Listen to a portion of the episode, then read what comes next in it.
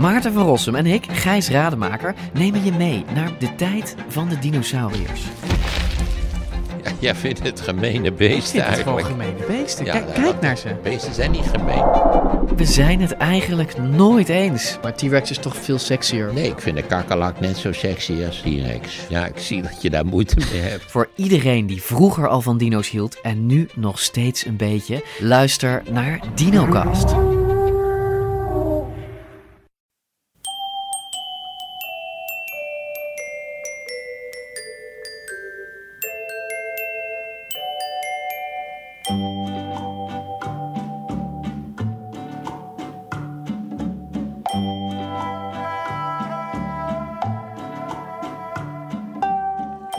Welkom bij aflevering 52 van de Echt Gebeurd podcast. Waar echt gebeurde verhalen worden verteld door de mensen die het zelf hebben meegemaakt. In deze podcast een verhaal van Natja Schrijverschuurder. Het thema van de Echt Gebeurd middag was duisternis.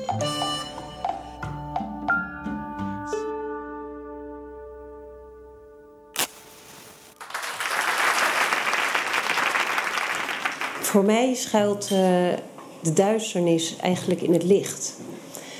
En ik zal jullie vertellen waarom. Eh, toen ik 19 was, eh, kwam ik terecht op een vaka- vakantieplek die echt geweldig was. Eh, er waren allemaal cursussen. eh, er was dansen tot diep in de nacht. ehm, Iedereen deed het met iedereen. Het was een fantastische sfeer. Eh, we deden cursussen lichaamswerk. En ik kwam eindelijk in mijn echte emoties terecht. En bevrijdde me van alles wat mijn moeder me ooit had geleerd en aangedaan. En ik was gewoon zo gelukkig. Het was zo'n ontzettend fijne tijd. En dat was bij de organisatie Het Fun. Nou ja, een betere naam kon eigenlijk niet. Het was alleen maar leuk. En ik had ineens honderd nieuwe vrienden. eh, het was fantastisch. En ik wilde natuurlijk meer. Dus ook daarna, na die vakantie, ben ik allemaal cursussen gaan doen. En eh, cursussen als eh, wakker worden. Dan bleven we de hele nacht wakker. En dan was dat goed om je. ehm, ja, al je barrières en je weerstand eh, door te breken. En eh, dan kwam je echt tot de kern. En, nou, het was echt heel geweldig. En, eh, en, en aan het eind van zo'n weekend ontvingen we dan het licht van boven. Ik wist niet helemaal precies wat dat dan was, maar dan ging de muziek heel hard en iedereen ging dan extatisch eh, naar huis. Dus eh, nou ja, dat was gewoon hartstikke leuk. En ik wilde meer en meer en meer. En ik dacht, ik ga de therapeutenopleiding doen. Want dan word ik zelf ook zo'n therapeut. En dan kan ik daar mijn leven van maken. En dan zal ik altijd zo gelukkig zijn. Dus eh, dat deed ik. En de, de leidster van die club... Want die was eerst een beetje op de achtergrond... maar die kwam steeds meer op de voorgrond. Dat was eh, Jacqueline. En ja, dat was zo'n mooie vrouw. Die wist alles. Die wist gewoon alles. En, en ze vertelde daar ook over. En, en ik, ik kon alles vragen. En, en anderen deden dat ook. En ik leerde heel veel. En ik, ik, op een gegeven moment wist ik ook hoe dingen zaten in het leven. En, en dat was natuurlijk heel fijn ook om, om te delen. Maar ook gewoon ja, dat je eindelijk die onzekerheid eh, een beetje kwijtraakt. Maar ik was nog wel een hele kleine speler. Het, het bleek toch wel dat er een hele erge hiërarchie eh, was in die, in die club. Die heette inmiddels de Lichtschool. Dus hè, het ging toch wel meer, meer die kant op dan het theaterstuk. Dat, dat was eigenlijk wel een beetje weg. En, en toen ik in die, eh, die therapeutenopleiding zat, was het ook wel de bedoeling. Het werd wat serieuzer. Het was toch de bedoeling dat ik ook in eh, God ging geloven. Dan ben ik heel streng atheïstisch opgevoed. Dus dat was echt een hele tour om, eh, ja, om dat te doen. Maar dat is in een jaar of zo wel gelukt. Dat kan dus, hè? Je kan jezelf dat dus gewoon. Dat heb ik echt gewoon zelf gedaan. Met, met hun hulp natuurlijk, maar wel ineens geloofde ik dus in God. En, en we ontvingen natuurlijk steeds ook het licht van God en zo. Dat hielp natuurlijk heel veel. En ehm, ehm, nou ja, ik, ik wilde eigenlijk steeds dichter bij Jacqueline komen. Want ik had wel door van nou daar, daar draait het om. Zij is de bron en het licht en de waarheid en de weg. En, en ik wilde steeds dichterbij, maar ik was echt een, een no-no. Ik was echt het sukkeltje van de groep en ik, ik durfde ook niks. Ik vond het ook allemaal vreselijk eng. We gingen elkaar ook de hele tijd de waarheid zeggen. En zij wist ook alles, dus zij vertelde dan van ja, jouw essentie is, nou, dankbaarheid bijvoorbeeld. Of nou ja, dankbaarheid was, was, klinkt heel mooi, maar dat bedoelde ze zo van ja, je bent zelf niks, dus jij moet alles ontvangen. Dus nee, maar dit is echt waar. En, en, en soms keek ze je ook helemaal niet aan, want dan was je er niet echt. En dan zag ze je dus ook niet. Dus ik voelde me daar altijd heel erg uh, klein en onbeduidend. En ik wilde ook zo graag, ik wilde ook gewoon echt heel graag bij haar zijn. En dat, dat, dat, dat zij mij ook gelijkwaardig zag, bijna. Nou ja, dat was ondenkbaar natuurlijk, maar wel bijna. En, en je had echt van die cirkels. Zij, en dan had ze ja, haar gezin met, met een paar mensen met wie ze dan woonde, een aantal mannen. En dan hadden ze, uh, waren er wat, wat intieme vrienden. En dan had je de therapeutengroep, zeg maar. Maar daar waren dan ja, ook weer hele lichte mensen. Die kwamen allemaal uit de zevende hemel. Want de wereld was uitge uh, ja, ontstond eigenlijk uit zeven hemelen en zeven hellen. En ik kwam geloof ik uit de vierde hel. En, en... Maar dat, uh, dat, had, nee, dat was allemaal, ik zie, ik zie wat jij niet ziet, dus ik wist dat niet uh, zeker. Maar dat, dat werd mij verteld. Dus zij, kwam uit de zevende hemel en, en er waren nog meer mensen, een paar vier of zo, die dat ook hadden. En, en dat waren echt hele bijzondere mensen. En ik wilde dat natuurlijk ook wel. Maar ja, ik was echt voor een dubbeltje geboren, dus dat ging echt niet gebeuren. Dus ja, wat er ook werd, af en toe gingen er mensen weg uit die groep. En dat ging nooit zonder slag of stoot. Dat was echt, dat, dat was echt heel erg als dat gebeurde. Want dat betekende, kijk, de wereld was eigenlijk plat. Uh, en, en wij zaten op die pannenkoek, zou ik maar zeggen, de platte wereld, en daar was het licht. En wij waren eigenlijk als enige van Nederland zo hoog in het licht dat wij zaten. Maar je kon daar ook dus afvallen. En als je daar eenmaal afviel, dan, dan kon je echt nooit meer, in ieder geval dit leven, niet meer daarop komen. Dan bleef je dus voor altijd in het duister. En het duister is eigenlijk deze wereld. De wereld van de slapende mensen. En mensen die eigenlijk dood zijn, emotioneel. En mensen die alles verkeerd omzien. Want wij zagen alles hoe het werkelijk was. En, en de gewone mensen die zagen alles omgekeerd. Dus als je er ook uitging, dan zag je daarna ook omgekeerd. Dus die mensen dachten ook dat wij insecten waren of uh, hè, dat wij uh, raar deden. Maar dat was natuurlijk niet zo. zij zagen het allemaal verkeerd. Dus eigenlijk was het ook niet eens heel zielig. Als je er eenmaal uitging, had je als mazzeltje dat je alles toch andersom zag. Dus dan was het ook niet zo heel erg. Dus ja, nou ja, mensen gingen en kwamen. Maar als iemand wegging, dan laat, dat was al ietsje verder. Toen was ik al ietsje dichterbij. Was ik ietsje, durfde ik wel eens een vraag te stellen, zeg maar, zo dichtbij.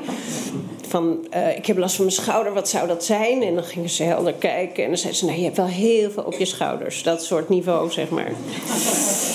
En um, ik had ook twee kleine kinderen inmiddels. Want iedereen had, uh, iedereen had kinderen en een gezin, dus dat had ik ook uh, snel geregeld. En um, um, ja, nou ja, op een gegeven moment um, werd, werd ik dus wel lichter. En, en dan krijg je last van elementale. Dat zal ik even uitleggen, want uh, volgens mij is het een zelfverzonnen term, maar dat weet ik niet zeker. Uh, elementale is zeg maar als een deel van iemand, dus zeg maar een, een, een deel van mij, bijvoorbeeld mijn angst, gaat naar Jacqueline toe om haar energetisch natuurlijk. Alles, alles was energetisch. Dus er was helemaal geen gewone wereld. Er was, alles was energetisch. Dus die, dat stukje ging naar haar toe en aan haar hoofd gillen van help mij, help mij. En dat uitte zich dan bij haar in heel erg hoofdpijn. En daar kon ze niks aan doen. En dat, als mensen dus weggingen, raakten ze zo in paniek dat ze dat allemaal gingen doen. Dus ze, zij had eigenlijk altijd hoofdpijn van die mensen. En als je heel dicht bij haar stond, dan kreeg je dat ook. Als je ook heel licht was. Dus iedereen wilde natuurlijk eigenlijk. Ja, mensen zeiden dan tegen mij: nee, jij hebt dat nog niet, want jij bent nog niet zo licht. Dus dan wilde iedereen wilde eigenlijk heel graag ook hoofdpijn hebben. Want dan hoorde je erbij. Dat, dat was een soort van statusding. Nou ja, dat is natuurlijk het recept om iedereen uh, aan de hoofdpunt te krijgen. En het was niet alleen hoofdpijn, soms liep iedereen ineens zo helemaal schuin. Hebben jullie ook zo'n last van Jelmer? Ja, was het dan. Of uh, hebben jullie ook zo'n pijn in je ogen? Ja, dat is omdat Thea je ogen uit wil steken. Dat soort dingen. Het werd echt, uh, echt serieus uh, zaken was dit. En dan op een gegeven moment was iemand echt te erg. Die bleek dan zo donker, dat, ja, die was reddeloos. En die ging dan weg. En ik was natuurlijk heel erg bang om ook om ook ooit weg te gaan. Maar ja, want ja, dood en, en duister en in slaap, dat wilde natuurlijk niemand. En ik al helemaal niet. En, en er brak wel goede tijden aan. Want wij gingen ook uh, het land in allemaal. We gingen allemaal verhuizen uit Amsterdam naar de provincie. En ik ging naar Alkmaar. En uh, daar ging ik een zaak opzetten. En nou, dat had ik me voorgenomen en dat had ik ook gedaan. En dat was zo'n geweldige prestatie dat ik eindelijk, eindelijk werd ik ook heel goed en licht en een bovenpool, een inspiratie voor anderen. En nou, het was echt, ik was echt prinses gewoon. Ik was bijna gelijkwaardig en ik kon Jacqueline ook bellen om te zeggen: hé, hey, ik uh, zit hiermee, hoe zit dat? Of uh, wat vind je daarvan? Of ik heb zo'n last van, weet ik veel, wie er dan weer weg was.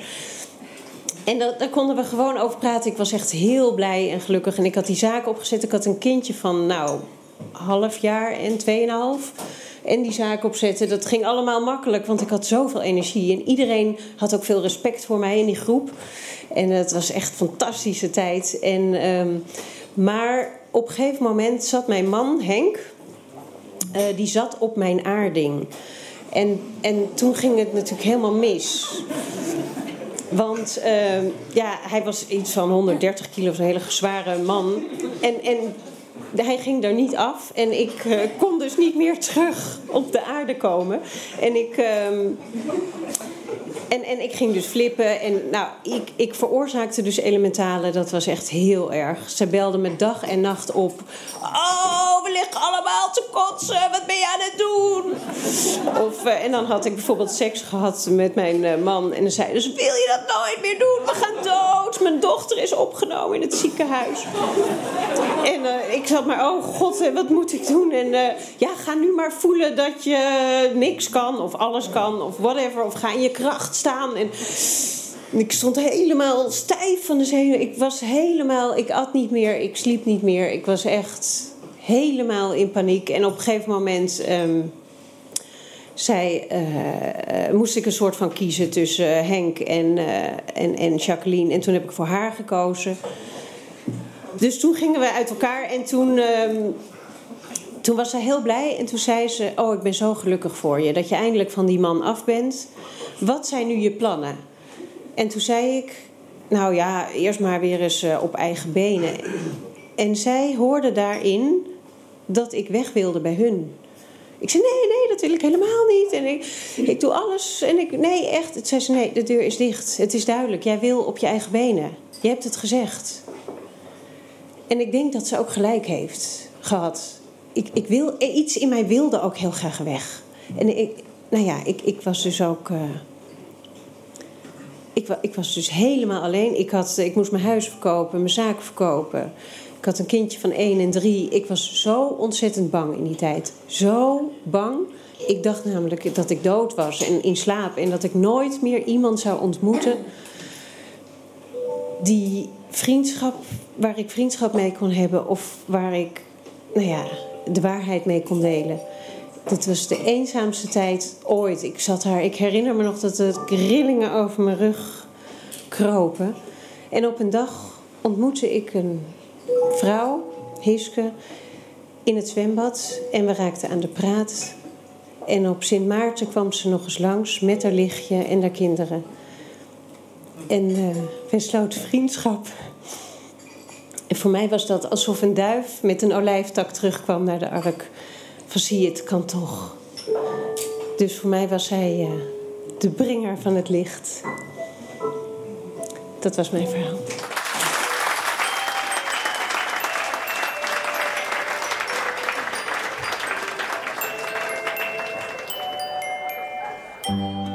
Dat was Natja Schrijverschuurder, die zonder ooit op een podium te hebben gestaan weer eens liet zien hoe leuk verhalen vertellen kan zijn voor de verteller en voor het publiek.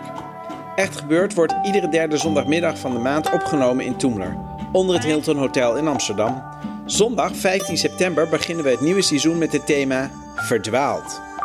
Wilt u net als Natja een keer het podium opgaan? Ga dan naar www.echtgebeurd.net. Dus niet .nl, maar .net. Dat schrijf je net als, als net. En wij hopen dat we dan weer nieuwe vertellers kunnen ontvangen op ons podium. Want daar gaat het om. En we helpen altijd, zodat niemand onvoorbereid het podium op hoeft. En wij, dat is redactie van Echt Gebeurd, bestaan uit Eva Maria Staal, Paulien Cornelissen, Rosa van Dijk, Eva Zwaving en mijzelf, Micha Wertheim. De techniek is in handen van Vrijman en Vrijland en Echt Gebeurd komt tot stand met ondersteuning van Comedy Train. Dit was de 52e podcast van Echt Gebeurd. Bedankt voor het luisteren en tot de volgende podcast. En zullen we meteen met elkaar afspreken dat we niet op elkaars aarding gaan zitten? Mooi dan. Tot de volgende podcast.